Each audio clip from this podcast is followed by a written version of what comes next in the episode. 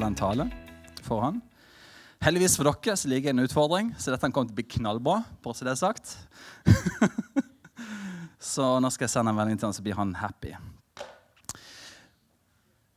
Ja, jeg er så heldig å få lov til å være pastor i Pinsekirka Flekkefjord. Og så er vi som kirke så heldige å få lov til å være her på bedehuset og ha gudstjenester. Det er utrolig kjekt. Og veldig veldig gøy å se så mange flotte mennesker som vi aldri har sett før det, det, stråler jo bare glede og takknemlighet og masse Jesus. Så det er fantastisk. Jeg håper dere får en nydelig dag videre. Både dere som er Tentro-elever, og ikke minst dere som er venner og familie. Vi har hatt en, en slags uh, taleserie uh, de siste ukene som handler om et godt utgangspunkt. Så jeg tenkte jeg skulle spille litt videre på det. Litt inn mot den gjengen som sitter her. da. For jeg tenker det er kjempeviktig for dere. Dere har så vidt starta på livet deres. Selv om dere føler det har vært en evighet allerede, så skal jeg bare si det at det er en evighet fram, framover. Det er mange mange år og masse valg som skal tas. Og alle dere som har levd litt mer enn type 14-15 år, vet det at det er mange valg som kommer, som blir eh, kjekke, som blir utfordrende, som du trodde ble bra, som blir forferdelig. Det er ulike ting. Vi tar masse valg. Og det her med å ha et godt utgangspunkt for valgene vi tar, er jo kjempeviktig. At du har et slags fundament, at du har en ballast med deg som gjør at når du tar valg, så er det gode valg. Fordi at du vet hvor du tar valgene ut ifra. Så det skal jeg snakke om i dag. Jeg skal prøve å holde det kort. For dere skal jo spise kake, ifølge Rasmus. Jeg har med denne. Jeg kan ta en sjokolade. Bare nyte seieren fra tidligere i dag. Alle mennesker lever for noe. Absolutt alle lever for et eller annet. Om de vil innrømme det eller ikke, om de har såpass mye selvinnsikt i livet sitt, eller er villige til å på en måte si det høyt ut, så, så, er det sånn. Alle lever for et eller annet. Og til og med vi kristne kan jo leve for ganske mye mer enn det å være en etterfølger av Jesus. Ting som egentlig kanskje er mer distraksjoner enn det er det vi burde fokusere på. Men vi kan leve i forhold til utdannelse. ikke sant? Karriere det er viktig. Det kan du bli fora med fra, fra, du var liten av. ikke sant? Få deg en utdannelse, så er framtida sikker. liksom. Mye bra med det. Men uh, mennesker kan leve for penger at peng, altså virkelig, Når pengene strømmer inn på konto, da kjenner du bare at livet blir realisert. ikke sant? Fantastisk. Eller kanskje det går på opplevelser. Det å få et rush, et kick. Eller å reise, oppdage, få nye impulser. Det kan være makt, at du har innflytelse. Politisk eller innenfor organisasjoner eller kanskje til og med kirke.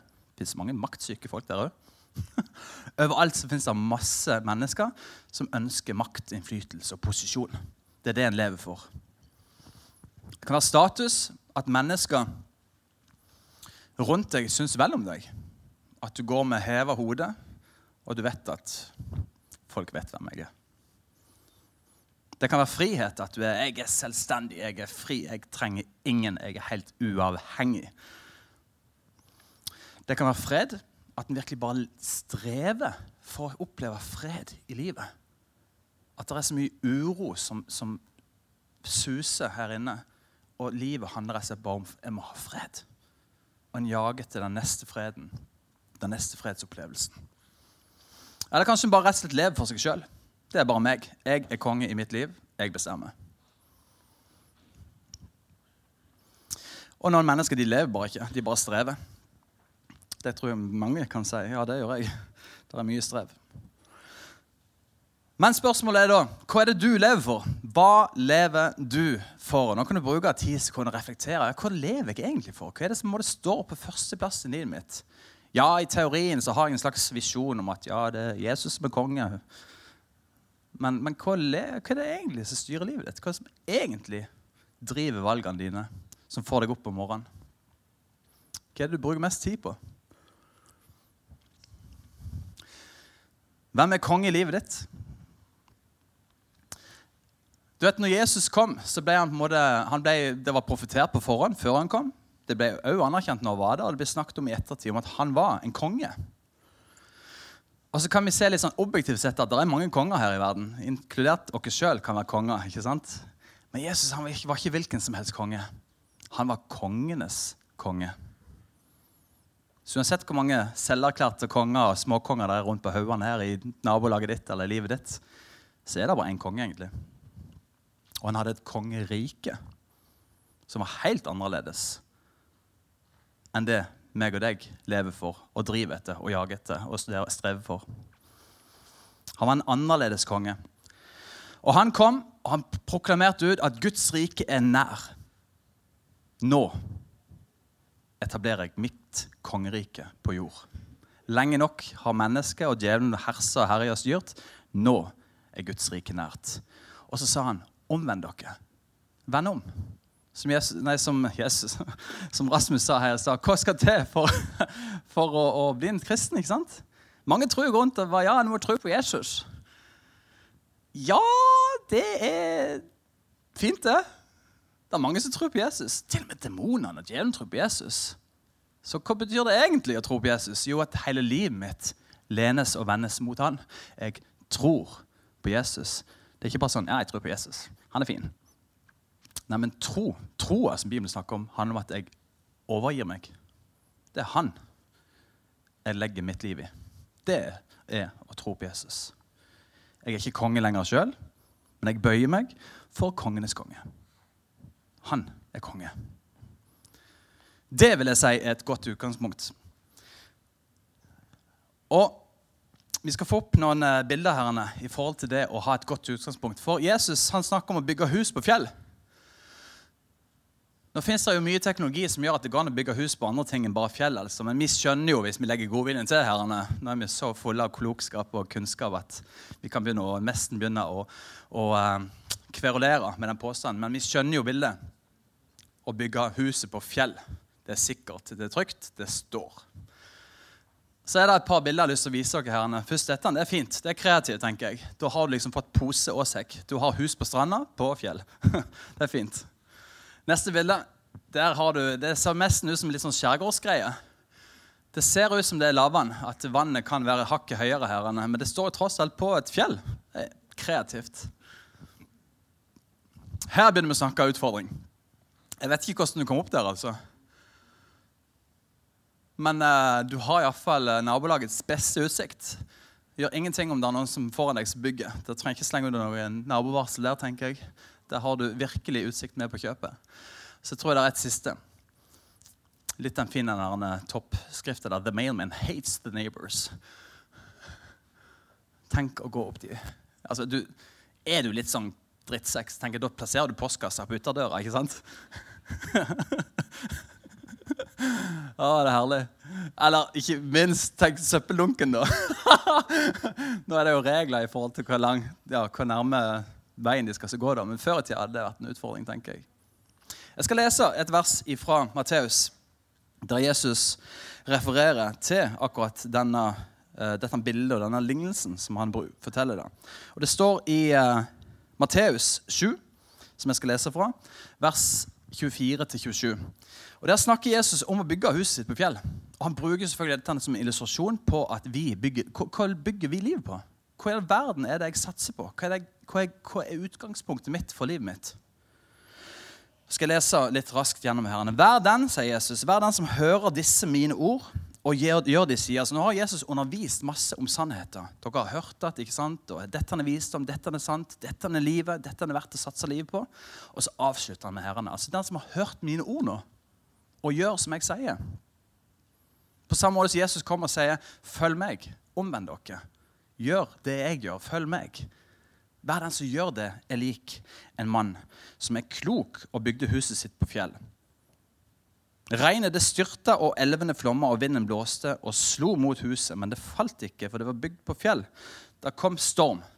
Alle som sitter her inne, som har levd litt mer enn fem år, vet at livet består av forferdelig mye mer enn solskinn, sommerfugler, lek og moro og is.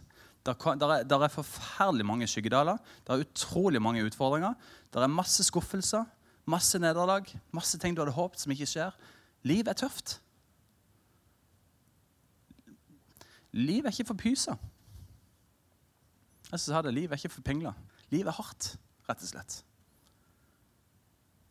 Så når det været kommer, det blåser, det pisker, det regner, flommen kommer, whatever, hva som kommer, uansett hva som kommer mot ditt liv, og det du har bygd, og det du har satsa på, og det du tror på Står det på fjell, så står det støtt.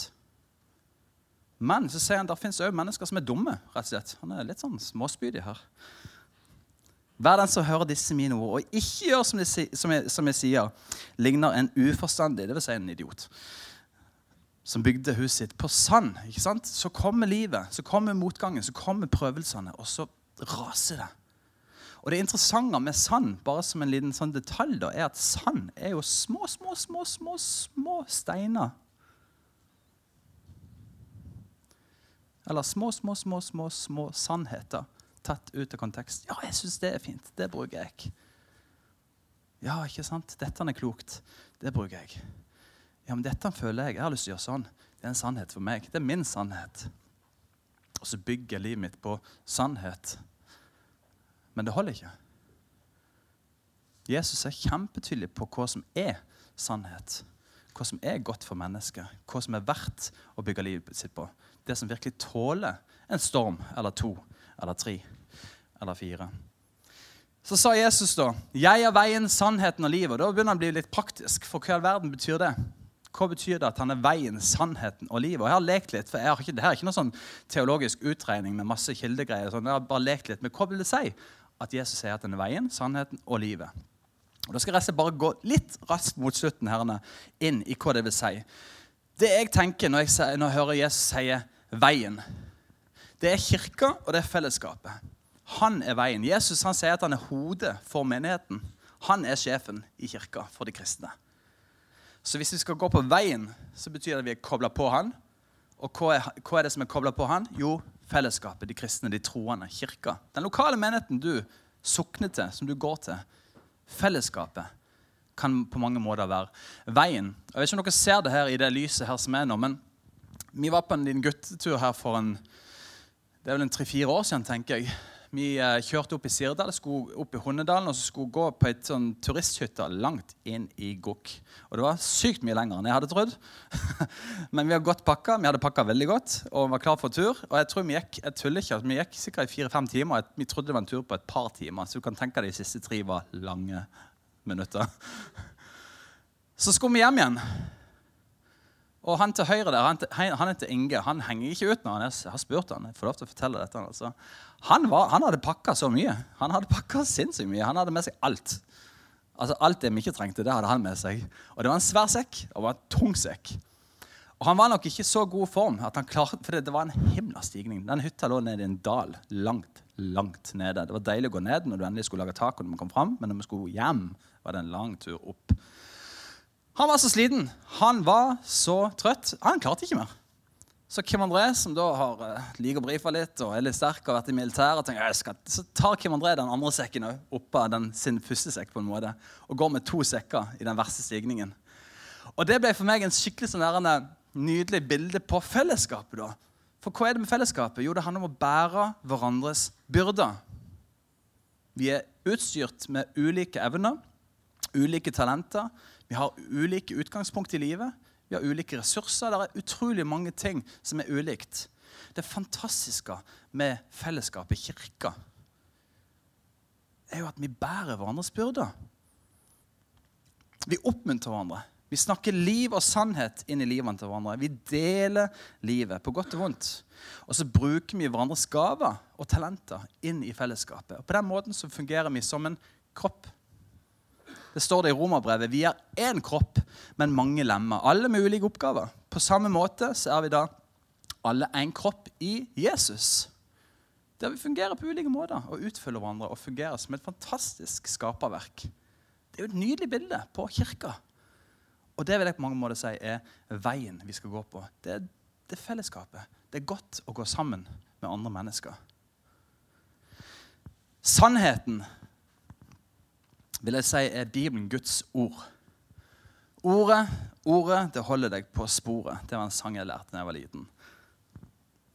Det står i Johannes 6, 36 at de ordene jeg har talt til dere, er ånd og liv.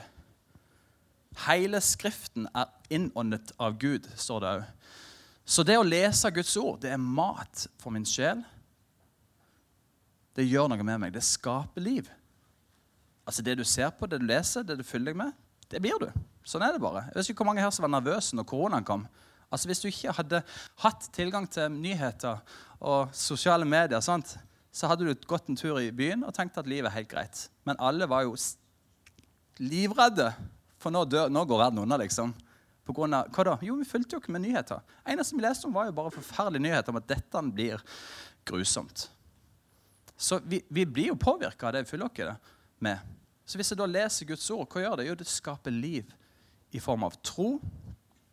Det gir meg verdier, det gir meg sannhet. Det skaper en identitet. Det er svar på forferdelig mange spørsmål vi bærer på. Det gir oss visdom, og Gud kan gi oss det vi trenger, akkurat når du trenger det. Så når du da er nedfor, så kan Gud komme og bare minne deg på et fantastisk løfte fra Guds ord. Om at du er jo skapt på en underfull måte. Ikke bry deg om hva vennen din har sagt om deg. Jeg elsker deg, sier Jesus. Og så kjenner du bare wow. Takk. Og på den måten så er Bibelen et fantastisk utgangspunkt å ha for livet sitt. Og en nydelig sannhet, kompass, til å ha når du går gjennom dette livet. Og det siste, livet, har jeg kalt for at det har med Den hellige ånd å gjøre. For Jesus, som jeg sa her når vi skulle synge, Jesus er jo ikke her. Jeg lærte på søndagsskolen at når, når, du tror på Jesus, så flytter han inn i hjertet ditt. Tenker, og Jeg har hatt tre interessante samtaler med mine tre gutter om hvor i all verden er han liksom, Bor han der inne? Kan du se han, liksom? Og det var en av de som lurte på hvis du tok røntgen, om, om du da kunne se han, liksom. Og Det er jo en fantastisk, bare nydelig, banalt, enkelt bilde for et barn å forklare at ja, Jesus flytter inn i hjertet ditt. liksom. Um, men det som egentlig skjer For Jesus han får jo opp, han er jo i himmelen med sin far. Men det som egentlig skjer, er jo at du kommer til livet med at Den hellige ånd tar bolig i deg. Vi mennesker er mennesker som er Hva skal du si? Vi er åndsmennesker. Så vi kan bli påvirka av ulike ånder. Men den som egentlig skal påvirke og regjere og være konge i livet vårt, er jo Jesus Kristus sin ånd, Den hellige ånd. Han skal bo i mitt liv. Og når han gjør det, så er det en kilde til fred og det er en kilde til glede. Det kommer til å komme mange dager der dere er redde, der dere kjenner på ufred, bekymring. Hvordan skal dette gå? Jeg kommer ikke inn på den skolen. Jeg har satsa alt på fotballen. Nå har jeg fått en skade i kneet som gjør at det går i skeis. Altså, kom an. De tingene kommer til å komme. I en eller annen sving gjennom livet. Der kommer ting til å bli vanskelig. Men så har Den hellige ånd tatt bolig i deg, og han veileder deg. Han gir deg fred, han gir deg trygghet, han oppmuntrer deg. Han kommer med alt det du trenger. Han kommer med kraft til den som er trøtt. Han er en veileder, så når du står i et kryss og bare lurer på hva all verden skal jeg satse på, hva skal jeg, på en måte hvilken utdannelse skal jeg ta? Hvilke venner skal jeg ha? Hvem skal jeg gifte meg med? Altså, Det er et stort og viktig valg. Hvem i all verden skal du gå i tospann med? liksom? Det er jo kjempeavgjørende. Tenk så fantastisk å ha Den hellige ånd som bare veileder deg. Kristoffer, kjør på. det kjente jeg iallfall når jeg skulle meg. Da fikk jeg en slags sånn tommel opp ifra Den hellige ånd. Og ikke minst òg kall og ledelse. Altså, Vi har jo drømmer og ting vi lengter etter, ting vi ønsker å gjøre, ting vi ønsker å oppnå. Og Det er jo ikke feil. Det er, det, jeg tenker, det er en gudgitt gave inn i det enkelte mennesket som Gud har skapt. Om de er kristne eller ikke. Han har skapt et menneske for en hensikt. Å leve i en relasjon med han, men å òg oppfylle Guds nedplanta drømmer i ditt liv. Så det at du går og drømmer om en karriere innenfor det, det du går og drømmer om å leve for det, det å drømme om å reise, det er jo fantastiske ting. Gjør det, men gjør det som Jesus i herrelivet ditt. Tjen han, følg han. Lev med han som utgangspunkt i livet ditt. Så kommer det til å gå knallbra, for å se det rett ut. Blir det enkelt? Nei. Men det blir godt. Det blir spennende hvis du ønsker å ha litt spenning i livet ditt. Det å på en måte være med, leve med Gud leve i veien, sannheten og livet. Det er et fantastisk innholdsrikt, spennende, godt, trygt liv der du er forsørga, der han, pappa Gud i himmelen, han passer på deg. Han slipper deg ikke.